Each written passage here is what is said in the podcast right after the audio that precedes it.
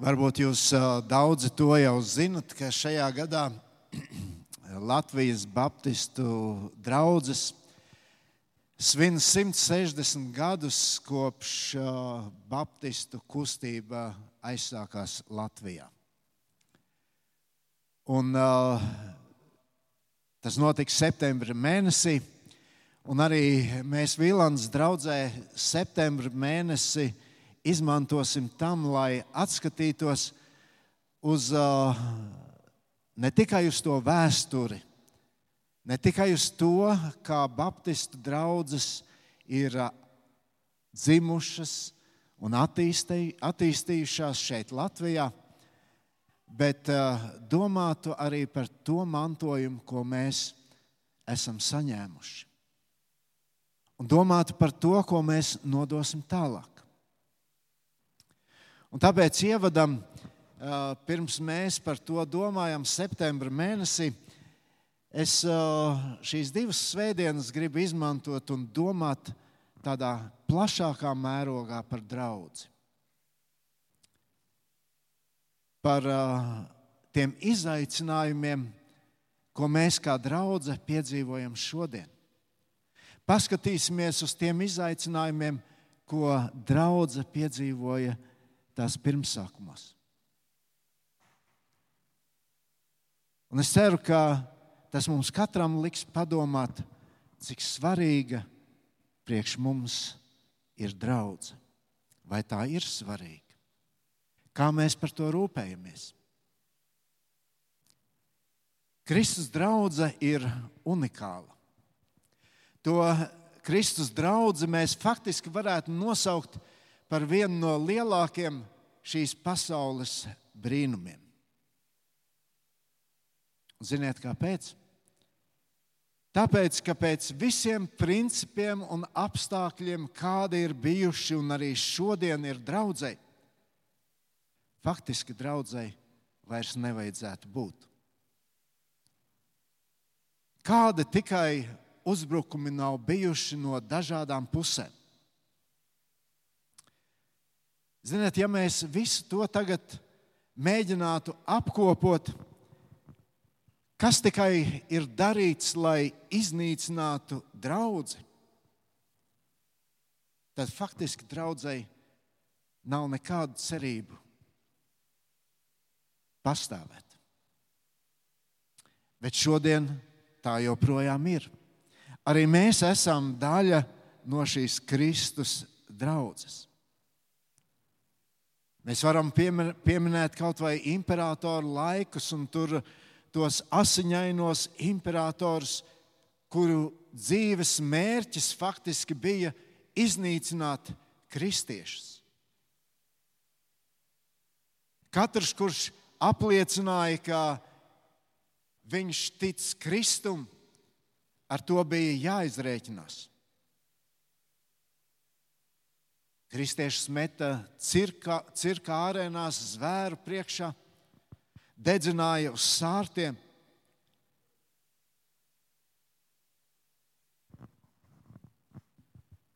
Jau tad, kad kristīgā draudzene veidojās, to sāka vajāt jūdi. Tika arestēts Pēters un Jānis. Šie paši cilvēki panāca to, ka pirmo asins liecinieku Stefanu nomētā ar akmeņiem. Arī romieši nostājās pret kristiešiem. Herods liek nonāvēt Jēkabu, Jāņa brāli. Mēs apstuļu darbu, darbos lasām, viņš grib to pašu izdarīt arī ar Pēteri, tur 12. nodaļā, bet Dievs to neļauj. Dievs brīnumainā kārtā Pēteri izglābj. Kristiešus vajāja, viņi atteicās pielūgt citus dievus. Viņi atteicās pielūgt Nēronu. Kristiešus vajāja. Vēlāk kristiešus izdzina no Jeruzalemes. Viņi nonāk svešās vietās, bēgot bet draudzē izdzīvoja.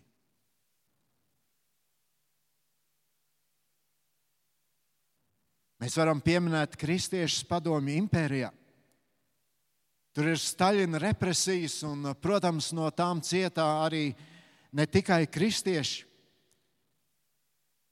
Tajā laikā tika izveidots karojošo ateistu savienība. Faktiski kristietībai bija tika pieteikts nesaudzīgs karš. Pēc Staļina nāk Nikita Hruščovs.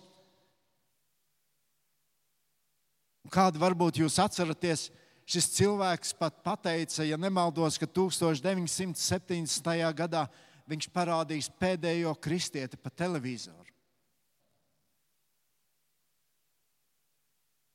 Arī vēlāk nekas jau nemainījās. Atceros, ka māc, atnācu uz Rīgu no Ventspils, mācījos eh, Rīgā skolā. Kādu dienu eju tur, eh, kur kādreiz bija, eh, droši vien tur tagad arī vēl ir policija, bija milicija. Un uh, tur bija izlikti meklētākie noziedznieki. Es skatos, tiek meklēts sevišķi bīstams noziedznieks.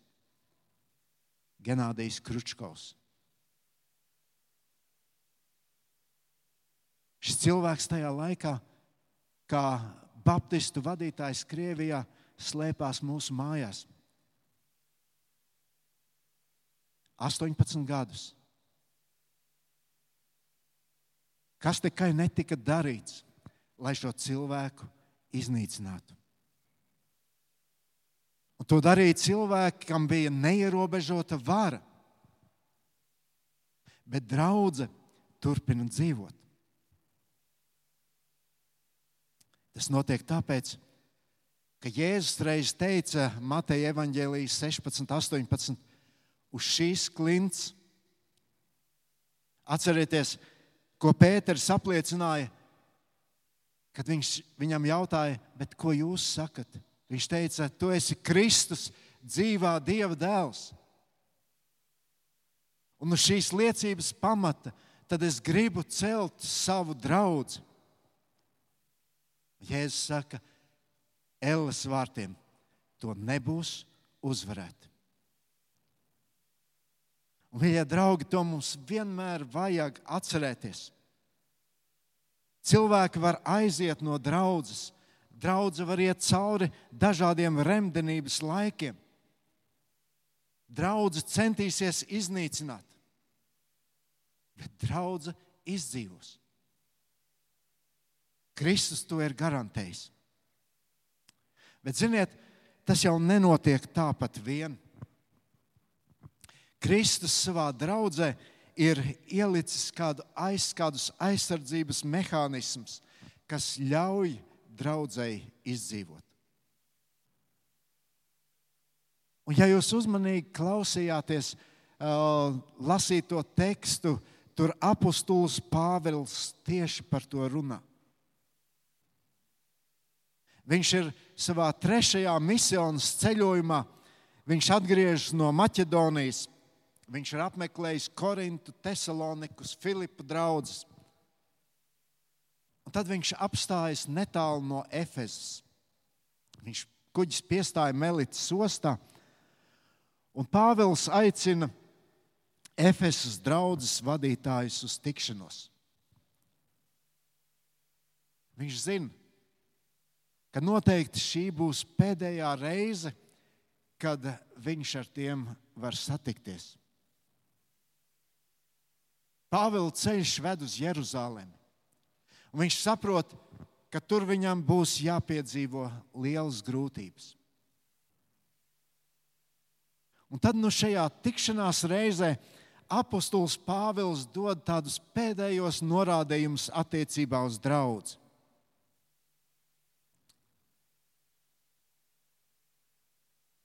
Efezas draudzene tā bija īpaša draudzene Pāvilam.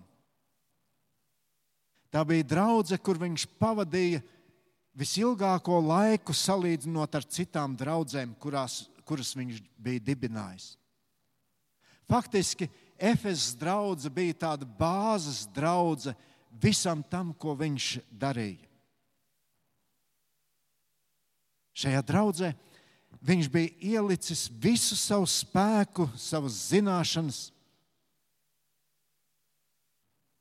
Un tad viņš grib pateikt vēl kaut ko ļoti, ļoti svarīgu. Un, lai lab, varbūt labāk mēs saprastu to kontekstu, es gribu nolasīt vēl dažus pantus, kas ir iepriekš, ko mēs jau lasījām. Un tur no 24. panta mēs lasām, bet mana dzīvība man nekādā ziņā nav tik dārga, lai es atstātu nepabeigtu savu ceļu un uzdevumu, ko esmu dabūjis no Kunga Jēzus, apliecināt Dieva žēlastības evaņģēliju. Tagad es zinu, jūs manu vaigu vairs neredzēsiet. Jūs visi, kuru vidū es esmu staigājis, sludinādams Dievu valstību. Tāpēc es jums apliecinu, ka neesmu vainīgs nevienas dvēseles pazušanā. Jo es neesmu kavējis, kavējies jums sludināt Dieva prātu pilnībā. Cik brīnišķīgi vārdi! Apostols Pāvils saka, es no sirds esmu to darījis. Es godīgi esmu darījis. Darījis to, ko Dievs man ir uzticējis. Un pēc tam viņš saka vārdus, ko, mē, ko mēs lasījām. Vārdus, kurās, kuros viņš runā par briesmām, kurām, ar kurām sastopas katra draudzene un briesmām, kuras draugi apdraud. Un tad Pāvils arī atgādina par tiem mehānismiem, ko Dievs ir paredzējis, lai savu draugu aizsargātu. Bet šajā dienā par to, kas tad apdraud draugu. Kā jau teicu, no pirmām dienām draudzene sastopas ar nežēlīgu pretestību. Un kad mēs par visu to domājam, tad mēs varam izdarīt vienu labu secinājumu. Mīļie draugi, tas ir normāls stāvoklis. Tā tam ir jābūt. Draudzene nekad nevar būt pieņemta no pasaules. Tās ir divas pilnīgi pretējas lietas. Dieva valstība un šīs pasaules valdnieku valstība. Tur ir divi dažādi valdnieki. Tur ir divas, div, divas pilnīgi dažādas vērtības. Dieva valstība balstās uz Dieva vārdu. Pasaules valdnieku valstība balstās uz dažādām filozofijām. Tās var mainīties no vienas sistēmas uz citu bet visas tās balstās uz to, ko nolemj cilvēks. Un apustulis Pāvils kādā citā vietā, 2. Timotejam 3.12. raksta tā, bet visi, klausieties, visi, kas grib svētbijīgi dzīvot Kristu Jēzu, arī tiks vajāti.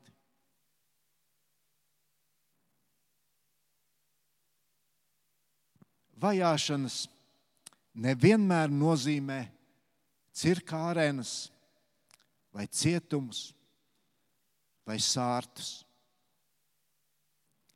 Bet pasaule vienmēr cīnīsies pret draugu. Bet šeit apustulis Pāvils runā par kādu citu apdraudējumu draudzēji. Tie ārējie uzbrukumi draudzēji to padara tikai stiprāku. Kad ir bijuši šie uzbrukumi no ārpuses, draudzene ir tikai augusi. Un arī šodien, kad mēs uh, lasām, kas notiek tādās valstīs kā Ķīnā, kur kristieši tiek apspiesti, tiek vajāti, tur draudzes aug. Kādas ziņas pienāk arī no Ziemeļkorejas, par ko mēs maz zinām, jo vienkārši nav informācijas. Bet arī tur šīs ziņas saka, ka kristiešu draudzes aug pagrīdē.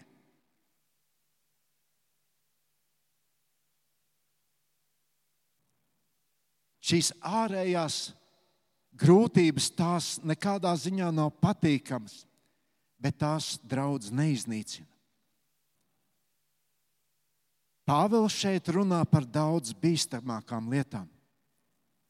Viņš šeit piemin trīs draudus, par ko mēs arī padomāsim. Viņš runā par bīstamiem cilvēkiem, viņš runā par bīstamiem mērķiem, un viņš runā par bīstamām metodēm. Vispirms, draugi apdraud cilvēki, kuriem nerūp cilvēku dzīves, kuriem nerūp, nerūp dvēseli glābšana. Pāvils šeit saka, tāpēc sargiet sevi un visu ganāmo pulku. Es zinu, kāpēc manas aiziešanas pie jums iebruks plēsīgi vilki, kas nesaudzēs ganāmo pulku. Jēzus arī runā kaut ko līdzīgu.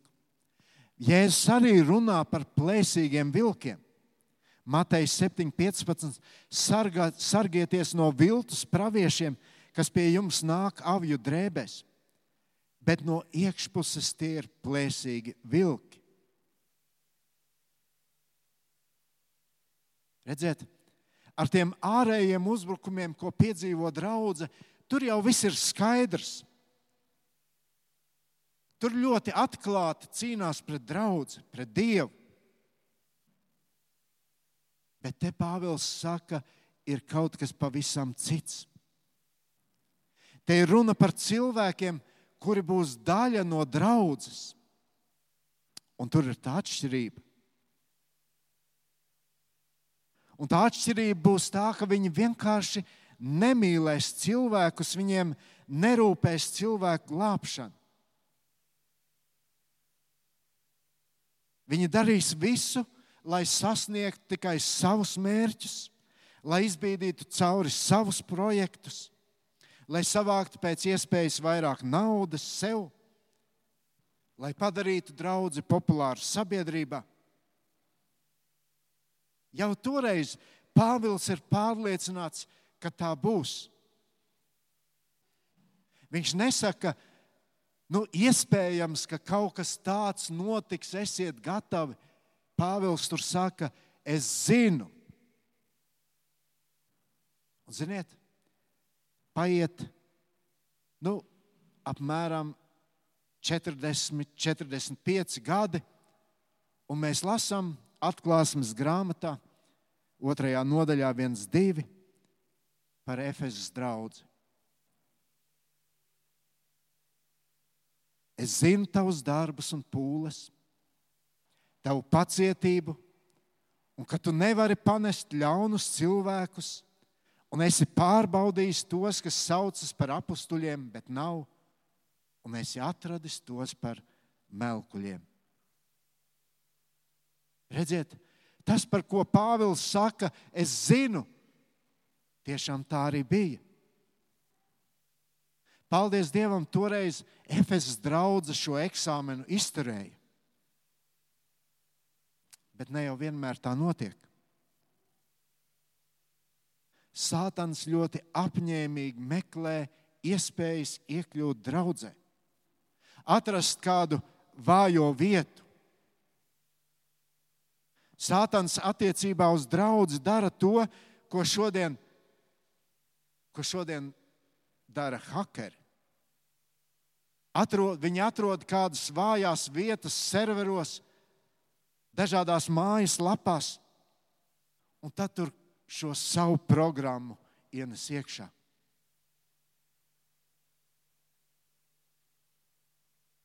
Otrā vēstulē Timotejam, Timotejam, otrajā nodaļā, no 16. līdz 18. pantam, apustulis Pāvils raksta, viņš raksta Timotejam, viņš bija mācītājs Efezā, Un apustulis Pāvils tur min konkrētus cilvēkus. Viņš saka, bet no nesvētām un tukšām runām izvairies, jo viņi aizvien dziļāk iestiks bezdievībā, un viņu mācība kā sērga izplatās. Tādi ir Himenais un Filēts, kas ir noklīduši no patiesības, sacīdami, ka augšām celšanās esot jau notikusi un sagroza dažiem ticību. Bija draugi, toreiz šiem cilvēkiem vajadzēja aiziet uz Efezu un tad tur tikties ar viņiem un stāstīt šos maldus.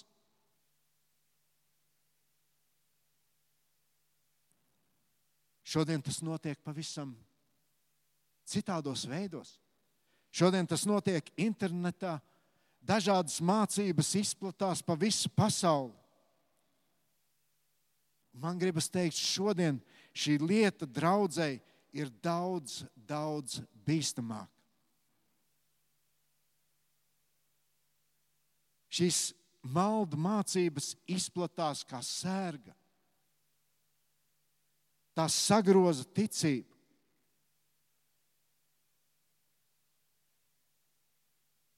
Un šodienas apstākļi, kuros mēs dzīvojam šajā, ar šo pandēmiju, ko piedzīvojam, tie ir kaut kas līdzīgs. Ir tik grūti to apstādināt. Un tas ļaunums ir, kad cilvēki pazaudē vienkāršo bērnišķīgo ticību Dievam pazaudē uzticēšanos Dieva vārda patiesībām. Šodien dažādas programmas cenšas sakārtot it kā visu pa plauktiņiem, bet galu galā aizved cilvēku prom no tās patiesās vienkāršās ticības. Jāņa evanģēlijā, 10. nodaļā, no 10. līdz 13. pantam, Jēzus saka, ka zaglis nāk vienīgi, lai zaktu, nokautu un nomaitātu. Es esmu nācis, lai tiem būtu dzīvība un pārpilnība. Es esmu labais gans, labais gans atdod savu dzīvību par savām avīm. Derētais gans, kas nav īstais, kam avis nepieder, redzēdams vilku nākam, atstāja avis un bēg, un vilks tās nolaupa un izklīdina jo viņš ir derēts gans, un avis viņam nerūp. Un cilvēki, kuriem nerūp cilvēku dzīves, viņu glābšana, pievešana Kristum, viņiem ir pavisam citi mērķi. Cilvēki, kuriem, cilvēks, kuri nepakļaujas Kristum, virza patmīlību sevis izcelšanu. Un Pāvils brīdina no cilvēkiem, kuri centīsies draudzē īstenot kādas savas programmas mērķus, bet ne Kristu. Tie ir cilvēki, kuri centīsies cilvēkus piesaistīt sev, ne Kristu. Kuriem svarīgākais ir, lai mani klausa lai man seko. Viņa apustulis Pāvils nevelti par to brīdina Efezas draugu. Tā ir lieta, kas iznīcina draugu no iekšienes. Izlasīsim vēlreiz 29. un 30. pantu. Es zinu, ka pēc manas aiziešanas pie jums iebruks plēsīgi vilki, kas nesaudzēs ganāmo pulku. No jūsu pašu vidus celsies vīri atgādnības runādami, lai aizrautu mācekļus sev līdzi. Problēma arī šodienas draudzē ir, ka draudzē kļūst par pašapliecināšanās vietu, par savu mērķu sasniegšanas vietu. Un ak, tas viss tiek tā samaisīts kopā ar kristietības lozungiem. Un tāpēc tik svarīgi ir ieraudzīt, kas tam viss ir apakšā. Vai to darīt, darot, cilvēks ieceļ se, ceļ sevi vai ceļ Kristu?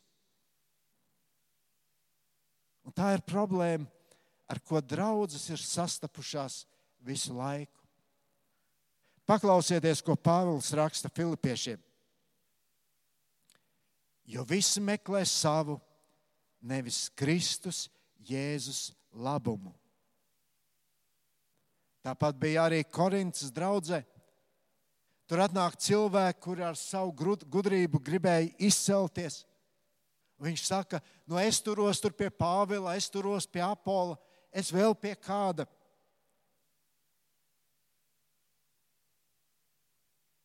Viņi visi cīnījās par kaut kādu ietekmi draudzē.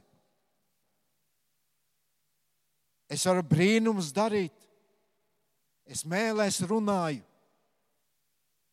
Un tad apustulis Pāvils raksta, viņš raksta 1. korintiešiem 1,27, bet kas ģeķīgs pasaulē, to Dievs ir izredzējis, lai liktu kaunā gudros, un kas nespēcīgs pasaulē, To Dievs ir izredzējis, lai liktu kaunā stipros, un kas pasaulē zems un nicināts, un kas nav nekas, to Dievs ir izredzējis, lai iznīcinātu tos, kas ir kas.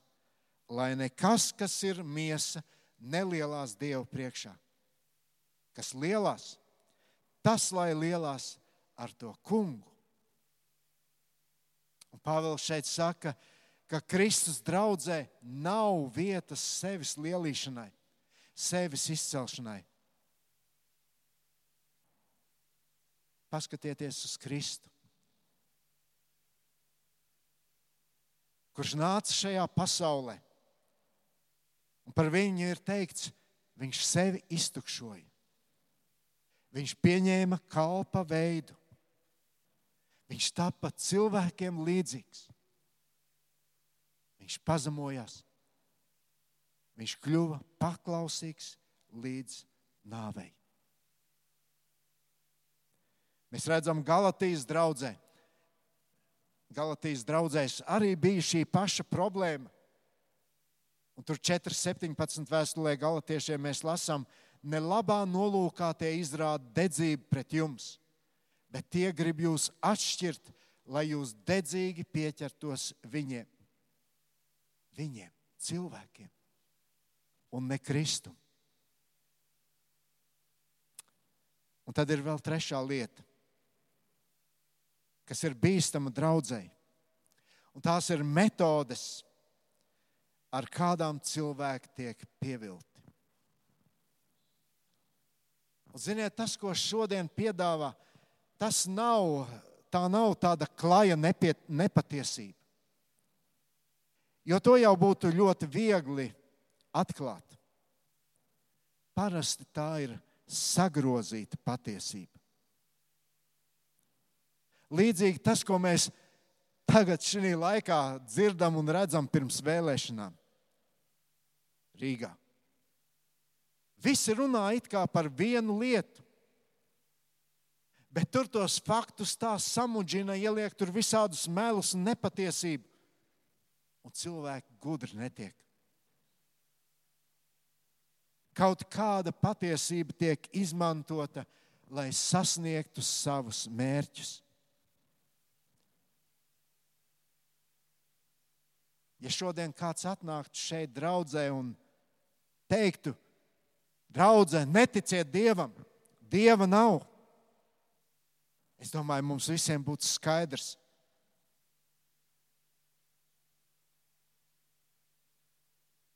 Mums ir patiesība. Mums ir Dieva vārds. Un tur ir cilvēki, kuri netic. Ir tik daudz mēģinājumu izmainīt vienu vai otru Dieva vārdu patiesību. Šodien cilvēki ir dzīvot tā, kā viņiem patīk, un nosaukt to par kristietību. Šodien Dieva vārds tiek pieskaņots tam, kas man patīk, nevis mana dzīve pieskaņota Dieva vārdam. Bet, ziniet, agri vai vēlu, viss nostāsies savā vietā. Dievs būs tas, kurš saliks šos punktus uz i. Galatiešiem 6, 7, 8 mēs lasām, nepievilieties. Dievs neļaujas apsmieties. Jo ko cilvēks sēž, to viņš arī pļaus. Proti, kas sēž savā miesā, tas pļaus no, pļaus no miesas pazušanu. Bet kas sēž garā, tas pļaus no gara mūžīgo dzīvību. Un tas svarīgākais jautājums, vai mēs kalpojot draudzē, meklējam to, kā apliecināt sevi vai kā apliecināt Kristu. Pāvils vēstulē kolosiešiem raksta 2,8. Uzmaniet, ka neviens jūs nesagūst ar savu filozofiju un tukšu maldināšanu, kas balstās uz cilvēku mācībām un uz pasaules pirmspēkiem, bet ne uz Kristu. Mīļie draugi, mēs, mēs kā draudzē šodien dzīvojam sarežģītā laikā. Pasaule, kura ir inficēta ar grēku, nepārtraukti draudzēji uzbruk. Un lai Dievs palīdz, lai Dievs palīdz man un jums būt nomodā par sevi un par draugu. Palikt uzticīgiem Kristum un Dieva vārdam. Un mīlēt vienam otru. Jo Dieva vārds saka, no tā jūs pazīs, ka esat mani mācekļi, ja jūs mīlat viens otru. Un nākošajā svētdienā mēs šo tēmu paturpināsim un paskatīsimies, kas tad ir tie aizsardzības mehānismi, kurus pats Dievs ieliek, ir ielicis draudzē. Bet tagad lūgsim Dievu. Lielais Dievs, mēs pateicamies Tev par to, ka Tu caur savu vārdu uzrunā mūs par tik aktuālām lietām. Mēs dzīvojam šajā pasaulē, Un tur esi tu, Kristu, kurš mūs aicina, kurš mūs uzrunā. Un varbūt eh, dažreiz ir tik grūti mums, un mēs svārstamies par kādām lietām. Bet paldies, ka tavs vārds arī saka, ka tas, kas tev uzticis, tas savā dzīvē arī piedzīvos patiesu brīvību un drošību. Un, kungs, es ļoti lūdzu, lai katram no mums, kad mēs skatāmies savā dzīvē, lai mēs nemēģinātu meklēt kādus attaisnojumus lietām, ko mēs darām, mēģināt, mēģināt tos attaisnot ar kādiem vārdiem no Bībeles bet lai mēs visā pazemībā spētu tuvoties Tev, Kristu, izsūdzot savus grēkus un saņemot atdošanu no Tevis. Un mācoties no Tevis un Tava vārda, arī dzīvot tā, kā Tu mūs aicini. Paldies Tev, kā šajā dienā Tu vērs mūsu uzmanību uz šīm lietām un palīdzi mums par to domāt, būt nomodā par sevi un par draugu. Tavā vārdā, Kristu, to lūdzam. Āmen!